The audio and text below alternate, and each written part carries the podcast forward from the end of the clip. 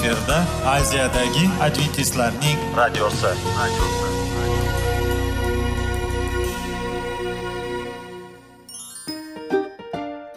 Assalomu alaykum radio tinglovchimiz. Dasturimizga xush kelibsiz va bizni tinglayotganingizga sizdan judayam minnatdormiz.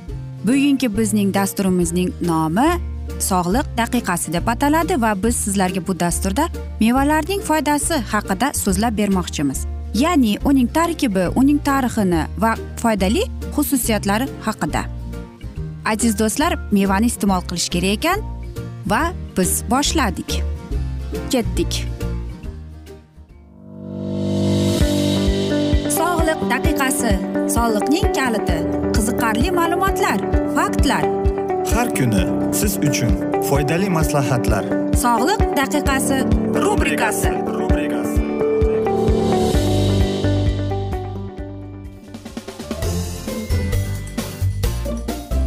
assalomu alaykum aziz radio tinglovchilar. Dasturimizga xush kelibsiz va biz sizlar bilan tana va sog'liq degan dasturda xushvaqt bo'ling deb aytamiz.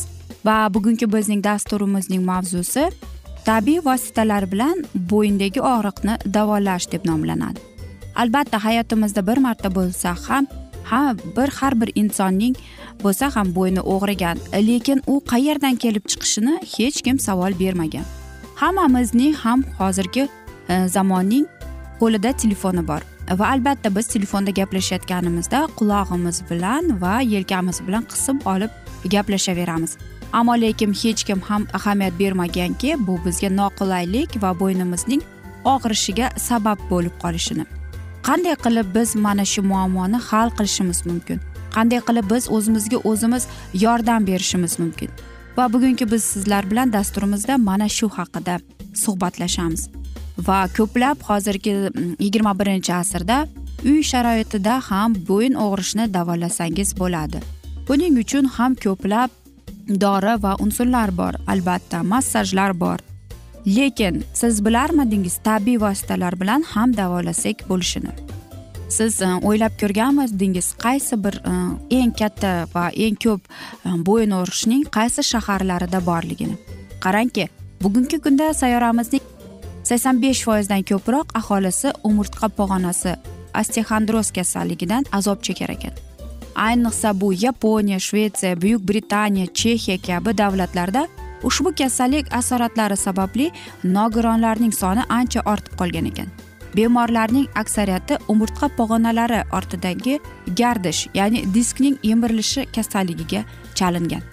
Tibbiyot sohasida vertobologiya yo'llanishi paydo bo'lishi bilan ushbu xastalikni samarali davolash usullari topildi. Yurtimizda ham osteoxondrozni samarali davolash bo'yicha vertobologiya ilmiy amaliy markazlari faoliyat yurgizib kelmoqda. Umurtqa pog'onalari orqasidagi gardishning lat yeyish natijada bemorda kuchli og'riq paydo bo'ladi. Og'ir yuk ko'tarish yoki belning yalliqlanishi natijasida uning faoliyati izdan chiqa boradi. Shuningdek umurtqa pog'onasi kanali ichidan ortqa miyaga o'tadigan tirqishning torayib qolishi va boshqa yalliqlanishlar ta'sirida hosil bo'lish bo'lgan shishlar belda kuchli og'riqni keltirib chiqaradi. Va umurtqa pog'onasining ko'krak bel va dumbag'aza atrofi ham bo'yin osteoxondroz farqlanar ekan. Agar bu kasallik o'z vaqtida bartaraf etilmasa boshqa kasalliklarga sabab bo'lishi mumkin ekan.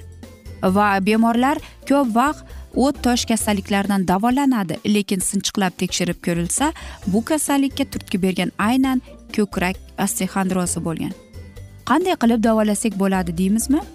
Qarangki bo'yin osteoxondrozida asab ildizlari ichida og'riqlar nervning o'tkir yalliqlanishi yelkada paydo bo'lgan og'riq hamda bo'yin radikuliti kuzatiladi. Yelka va bo'yin atrofi og'riydi harakatlanganda og'riq kuchayadi. Shuningdek qo'lda chumoli o'rmalagandek bo'ladi. Bo'yni yoq bu va bu yoq burish chog'ida qisirlash eshitiladi. Qo'l panjaralarida sovuqlik va uvushish seziladi. Ko'krak ayniqsa yurakda og'riq bo'lishi mumkin. Og'riq umurtqalardagi nerv tolalarining qisilishi tufayli sodir bo'lib bo'yin yelka va qo'lga tarqaladi. Ba'zan og'riq yengil darajada xuddi tok urgandek bo'lishi ham mumkin. Yo'talganda qo'lni qimirlatganda bo'yinni yon tarafga burganda zo'rayadi. Spinal sindrom esa umurtqasi disk cho'rasi bilan bog'liq holda kechadi. Chunki disk cho'rasi orqa miyani qisib qo'yadi. Oqibatda bemorning sezishning buzilishi qo'l oyoqlar falajlanishi quvvatsizlik e, ro'y beradi. Agar buni e, shunday qolib qo'ysangiz bu xuruj esa bir yarim ikki soatgacha davolanadi. Albatta qanday qilib davolash mumkin deymizmi? Uqalash va davolash mashqlari esa bo'yin yelka sohasida qon aylanishini yaxshilab mushaklar tonusini me'yorga keltiradi. Shuning uchun ham aziz do'stlar o'zingizni va yaqinlaringizni ehtiyot qiling deymiz.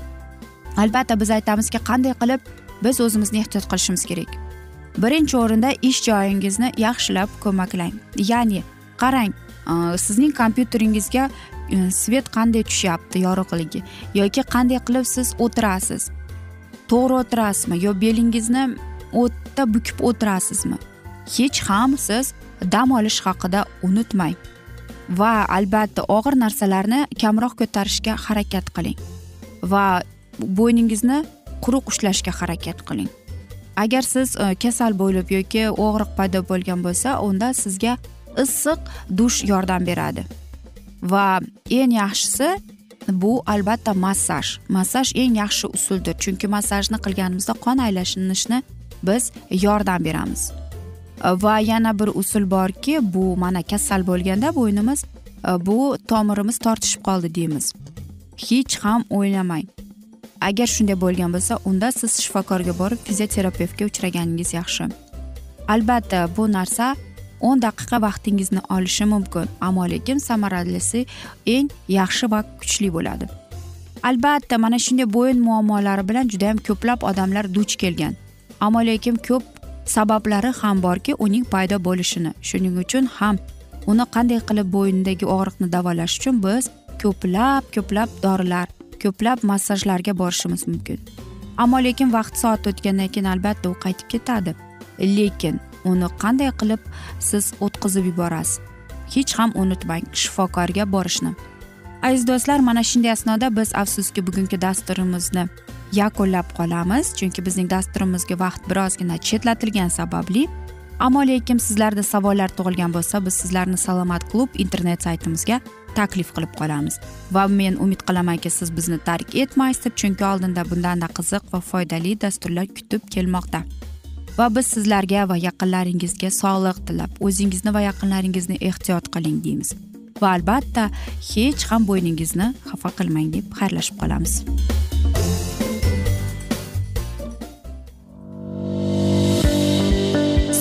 Daqiqasi soliqning kaliti qiziqarli ma'lumotlar faktlar. Har kuni siz uchun foydali maslahatlar. Sog'liq daqiqasi rubrikasi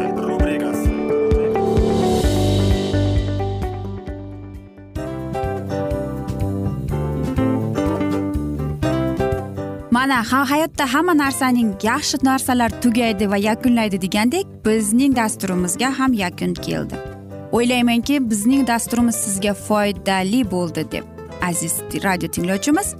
Va siz o'zingiz uchun kerakli xulosalar kerakli maslahatlar olib oldingiz. Aziz radio tinglovchimiz biz bilan qoling va keyingi dasturlarimiz albatta undanda qiziqroq bo'ladi. Mana shu alfozda sizlar bilan xayrlashib qolaman.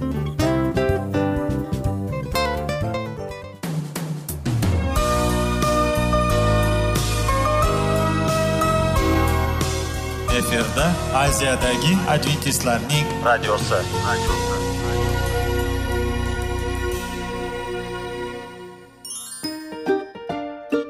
Assalomu alaykum aziz radio tinglovchilar. Dasturimizga xush kelibsiz.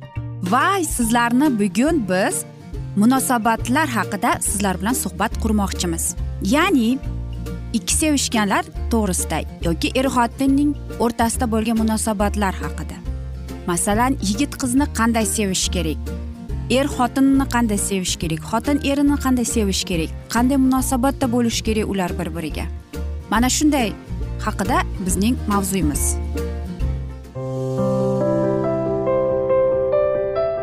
har kuni har xil kasbdagi odamlar bilan sirlashish va bo'lishish sevgi rashq munosabat bularni hammasi dil izhori rubrikasida.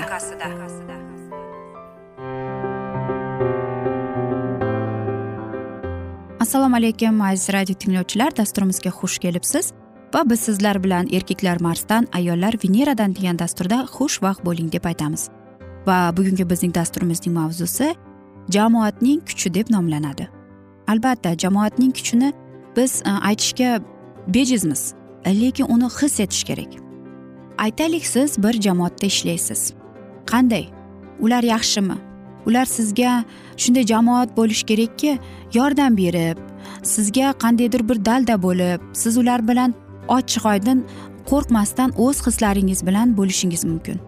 Agar siz aytaylik bir boshqa bir guruh bilan bo'linasiz va demak siz boshqa ko'p sevgini olasiz. Lekin mana shu borada qanchalik biz Э, o'zimizga yaqin deymiz. Lekin o'ylaymiz bu ham kerakmikin deb.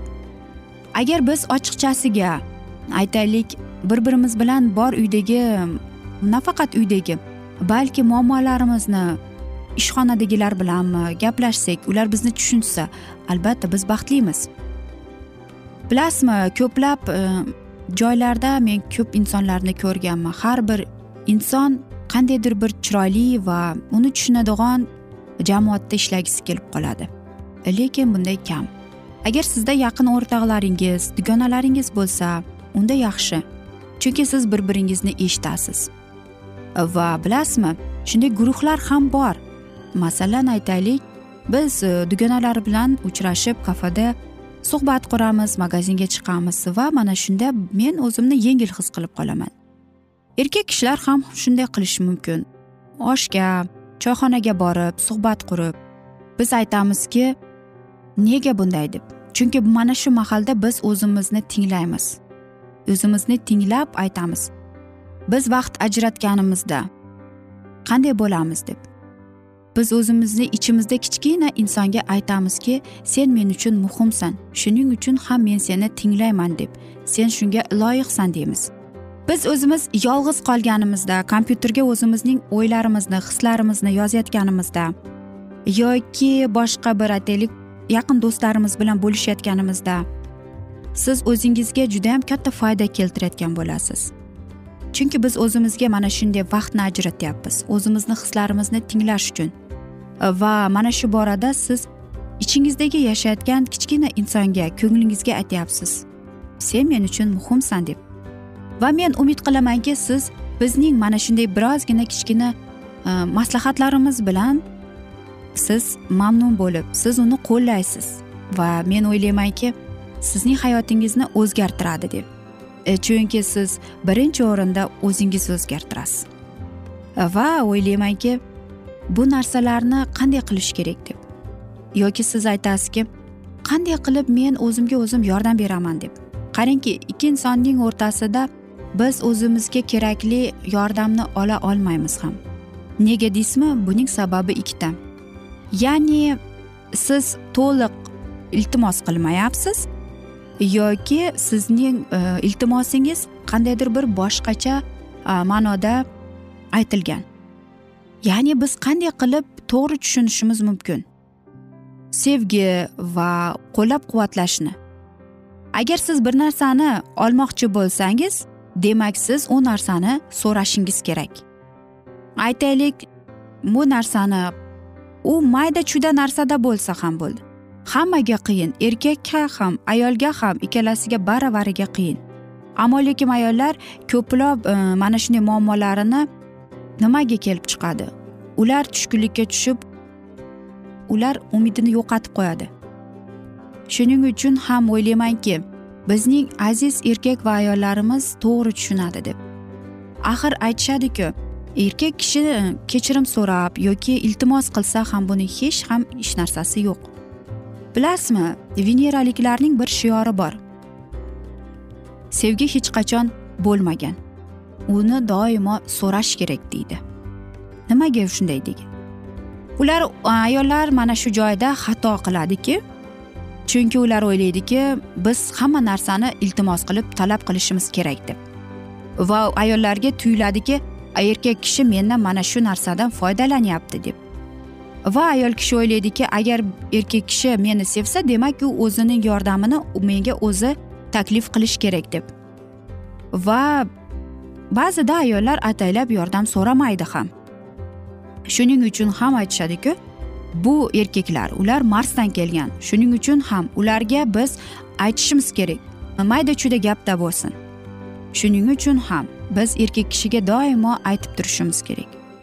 Aytaylik siz bir narsani undan yordam kutyapsiz. Aytish kerak chunki erkak kishi o'zi unga tushunmaydi. Erkak kishi esa doimo o'ziga ishonganki agar uning turmush o'rtog'i yoki sevgilisi undan yordam so'ramasa demak bu shunday ham bo'laveradi deb. U o'ylaydiki men shunday qilsam bu yaxshi bo'ladi deb. Ammo lekin venerada unday bo'lmaganda hayot. Shuning uchun ham biz erkaklarga aytishimiz kerak ekan. Agar aytaylik erkak kishi qayerdan bilsin? Biz indamay jim o'tiraversak u qayerdan biladiki biz uning qo'llab quvvatlashiga muhtojligimizni bilmaydi albatta. Shuning uchun ham ayol kishi erkak kishidan yordam so'rash kerak ekan. Mana shu narsalar bu judayam oson. Agar aytaylik ayolga mana shunday narsalar notanish bo'lsa demak tanishib oladi. Chunki ayollar veneradan erkaklar marsdan. Va siz aziz ayollarimiz o'zingizni mana shunday iltimoslarni to'g'ri ma'noda aytishga harakat qilib ko'ring. Va qarangki siz bir uchta narsani yodda tutishingiz kerak ekan. Siz o'zingiz mashq qilishingiz kerak ekanki qanday qilib siz nimani so'raysiz va siz albatta olasiz. O'zingizda shunday narsani o'rganishingiz kerak ekanki biz ko'p narsani so'raymiz lekin biz qabul qilishimiz ham mumkin ekan yo'q degan so'zni. Shuni qabul qilishga tayyor bo'lishimiz kerak. Va uchinchisi biz albatta qaysar bo'lishimiz kerak ekan aziz do'stlar. Va mana shunday go'zal va chiroyli asnoda aziz do'stlar qarangki bugungi dasturimiz sizlarga mamnun bo'ldi deb yakunlab qolamiz. Afsuski bizning dasturimizga vaqt birozgina chetlatilgani sababli. Ammo lekin keyingi dasturda albatta mana shu mavzuni yana o'qib eshittiramiz. Va men umid qilaman sizlar bizni tark etmaysiz deb chunki oldinda bundanda qiziq va foydali dasturlar kutib kelmoqda. Va aziz do'stlar sizlarga va oilangizga tinchlik totuvlik tilagan holda yuzingizdan tabassum hech ham ayrimasin deb aziz radio tinglovchilar unutmang seving seviling deb xayrlashib qolamiz. Omon qoling.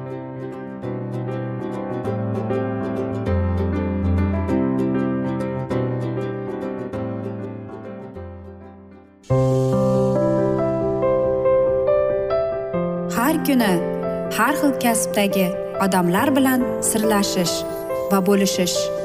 Sevgi rashq munosabat bularni hammasi dil izhori rubrikasida. Mana aziz radio tinglovchimiz bizning go'zal va foydali va chiroyli dasturimiz yakunlanib bormoqda.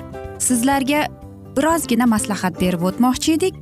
Bir biringizni seving qadringizga yeting va erkalang albatta bir biringizni va sizga judayam chiroyli va mustahkam munosabatlar tilab qolamiz albatta. Sevgilingiz doimo yoningizda bo'lsin. Mana shu borada sizlar bilan xayrlashib qolamiz. Xayr.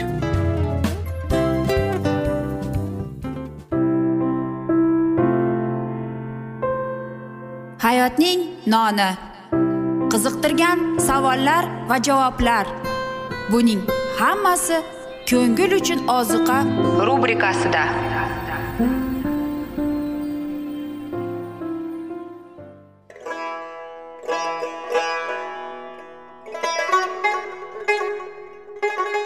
Assalomu alaykum aziz va qadrdon radio tinglovchimiz. Dasturimizga xush kelibsiz. Bizni tanlaganingizga sizdan minnatdormiz. Va keyingi bizning e, mavzuyimiz diniy masalasiga kelib chiqadi. Albatta hayot davomida bizni ko'plab qiziqtirgan savollar bordir. Va mana shu savollarga qayerdan javob olsam ekan deb o'ylanib chiqamiz. Yoki hayotning ma'nosi nimada deb o'ylanamiz. Mana shunday dasturlar o'ylaymanki siz sizga foyda bo'ladi deb. Aziz do'stlar e, bugungi bizning mavzuyimizning nomi vahiy kitobning ochilishi. Ya'ni bu muqaddas kitobda shunday deb yozilgan. Vahiy kitobning bizga bo'lgan buyuk sovg'asi deb. Albatta mana shunday kitobni eshitib quloq solib e'tiborli bo'lsak biz o'zimizning qiziqtirgan hayotning ma'nosini tushuntirgan bizni kelajakda nima kutayotganini mana shu kitobdan bilib olamiz albatta. Va xudoyim bizga qanday rejalar ochgan bizga qanday kelajak kutayotganini aynan mana shu kitobda yozilgan va bizga mana shu kitob orqali xudoyim bizga aytib bergan. Keling aziz do'stlar mana shu kitobni e'tiborli va yaxshilab quloq solib va chuqurroq nazar solaylik shu muqaddas kitobga.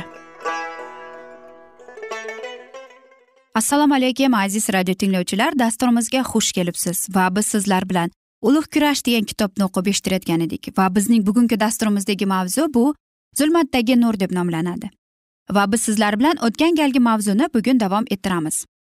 Hattoki xamir turishsiz non yeyilgan va qurbonlik ko'zasini so'yiladigan fisq bayramining qutlug' kunida havoriylarning ustoziga getsemaniyasida halok bo'lish xavf solib turganda ham katta boloxonada fisq taomini yeb o'tirgan havoriylar bizning oramizda kim eng buyuk hisoblanmog'i kerak degan masalada tortishar edilar. Isoning bog'idagi ibodatidan keyin azob uqubatga duchor bo'lishi kaltaklanishi hokim pilat tomonidan hukm qilinib golgota u xochda mixlanib bir paytda shogirdlari toj taxt shon shuhrat haqida orzu qilar edilar. Manmalik va dunyoviy shon shuhratga bo'lgan tashnalik o'sha davrning har qanday soxta ta'limotiga bu qadar yopishib olishga xudo shohligining haqiqiy tabiatini o'zining azoblarini va o'limini ko'rsatib berilgan najotkorning gapini pisand qilmay o'zbilarmoncha ish tutishga da'vat etdi. Ana shunday adashishlar mashaqqatli biroz bu bilan birga to'g'ridan yo'ldan yurishga undadi. Shogirdlar o'zlari e'lon qilayotgan xabarni to'liq tushunmay o'zlarini soxta orzu istaklari bilan ovuntirsalarda xudo ularga bergan bu xabarni targ'ib qilaverdilar. Shuning uchun ham rabbiy ishonchlari va itoatgorliklari uchun ham ularni taqdirlardi. Ular hamma xalqlarga rabbiyning tirilishi haqidagi xushxabarni yetkazib berishlari kerak edi. Aynan ularni shunday xizmatga tayyorlash uchun iso tirilgandan keyin emaus yo'lida o'zining ikki shogirdiga ko'rinadi va u muso payg'ambarlardan tortib barcha payg'ambarlar kitoblarida o'zi haqida yozilgan oyatlarning hammasini ularga tushuntira boshladi. Shogirdlarning qalblari o'rtanib ketdi ularning ishonchi qayta uyg'ondi. Iso hali ularga ko'rinmasdan oldin shogirdlar tirik najotga suyanish uchun hayotga qaytdilar. Masih ularning ongini yoritib ularning e'tiqodini haqiqiy bashorat kalomida tasdiqlashni xohladi. Haqiqat shogirdlarning ongida chuqur o'rnashishi istadi. Biroq masih bu haqiqatni o'zi tasdiqlagani uchun emas balki qonunlarning rad qilib bo'lmaydigan ramz va belgilari shuningdek qadimiy ahd bashoratlarining isboti bo'lgani uchun u shunday qildi.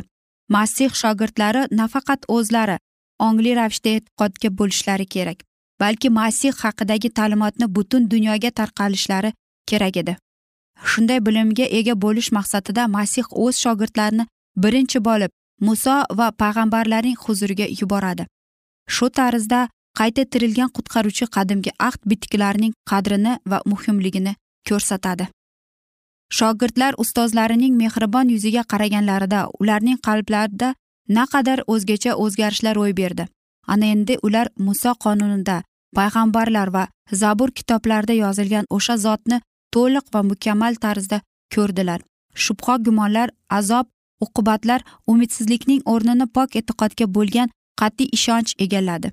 Iso osmonga ko'tarilgandan keyin shubhasiz shogirdlar muntazam ravishda ibodatxonada bo'lib xudoga hamdu sanolar aytadilar va uni ulug'ladilar. Qutqaruvchining faqatgina sharmandalarcha o'lim haqida bilgan odamlar shogirdlarning yuzlarida dard alam va hijolatni ko'rish niyatida edilar. Ammo buning aksi bo'lib chiqdi. Iso izdoshlarining yuzidan g'alaba quvonchi taralar edi. Kelajakdagi xizmat uchun shogirdlar naqadar ajoyib tayyorgarlikka ega bo'ldilar. Ular og'ir sinovlardan o'tdilar. Hammasi endi barbod bo'ldi deb o'ylab turganlarida xudoning kalomi zafar qozondi va unda yozilganlarning hammasi amalga oshdi. Mana endi ularning ishonchiga kim yoxud nima ham tahdid solishi yoki sevgi otashini kim so'ndirishi mumkin? Eng mashaqqatli ahvolda bo'lganlarida ular umidni mahkam ushlab dalil va jasur bo'ldilar hamda ularning umidlarini jon langarday ishonchli va mustahkam edi. Ular xudoning donoligi va kuchning guvohligi bo'ldilar. Na o'lim na hayot na farishtalar va na jin ajinlar na hozirgi va na kelgusi hodisalar na balandliklar va na chuqurliklar hamda na yaratilgan boshqa bir mavjudot ularni rabbimiz iso shaxsidagi xudo sevgisidan judo qilishga qodir emas. Ammo deb aytishdi shogirdlar bizni sevganning soyasida bo'la bularning hammasi ustidan ulkan g'alaba qozonamiz. Sevganning soyasida biz g'alaba qozonamiz deb ammo xudovand kalami abadiy turar. Bizni kim mahrum qilar ekan? O'lgan hamda tirilgan iso masih xudoning o'ng tomonidan turib biz uchun shafoat qilmoqdaku rabbiy dedi ey xalqim hech qachon endi sharmanda bo'lmaysan. Oqshomda yig'i hukm sursa saharda shodiyona kelur. Iso tirilgach shogirdlar qutqaruvchini kutib olganlarida shunda ularning qalblari najotkor aytgan so'zlardan yondi. Shogirdlar uchun u shunday dedi rabbiyning yuzlarida qo'llarida va oyoqlarida qaradilar. Osmonga ko'tarilib ketishdan oldin shogirdlari shahardan tashqarida baytaniya yaqinlari yaqinlarigacha olib chiqdida qo'llarini ko'tarib ularni duo qildi va butun jahon bo'ylab yuringlar va hamma tirik jonga injil xushxabarni targ'ib qilinglar deb aytdi. So'ngra gapini davom ettirib u qo'shib qo'ydi. Mana men har kuni dunyoning oxirigacha sizlar bilan birga bo'laman. Elginchilar kunida ularga va'da qilingan yepatuvchi va ilohiy kuch tushib keldi. Aziz do'stlar mana shu asnoda biz afsuski bugungi dasturimizni yakunlab qolamiz chunki bizning dasturimizga vaqt birozgina chetlatilgani sababli. Ammo lekin keyingi dasturlarda albatta mana shu mavzuni yana o'qib eshittiramiz. Va sizlarda savollar tug'ilgan bo'lsa biz sizlarni alkitab media internet saytimizga taklif qilib qolamiz.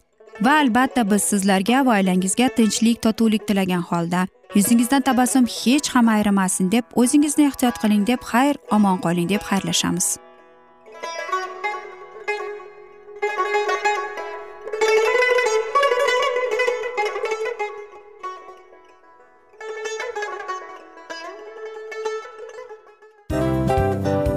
Mana aziz radio tinglovchimiz hamma yaxshi narsaning yakuni bo'ladi degandek bizning ham dasturlarimiz yakunlanib qolmoqda.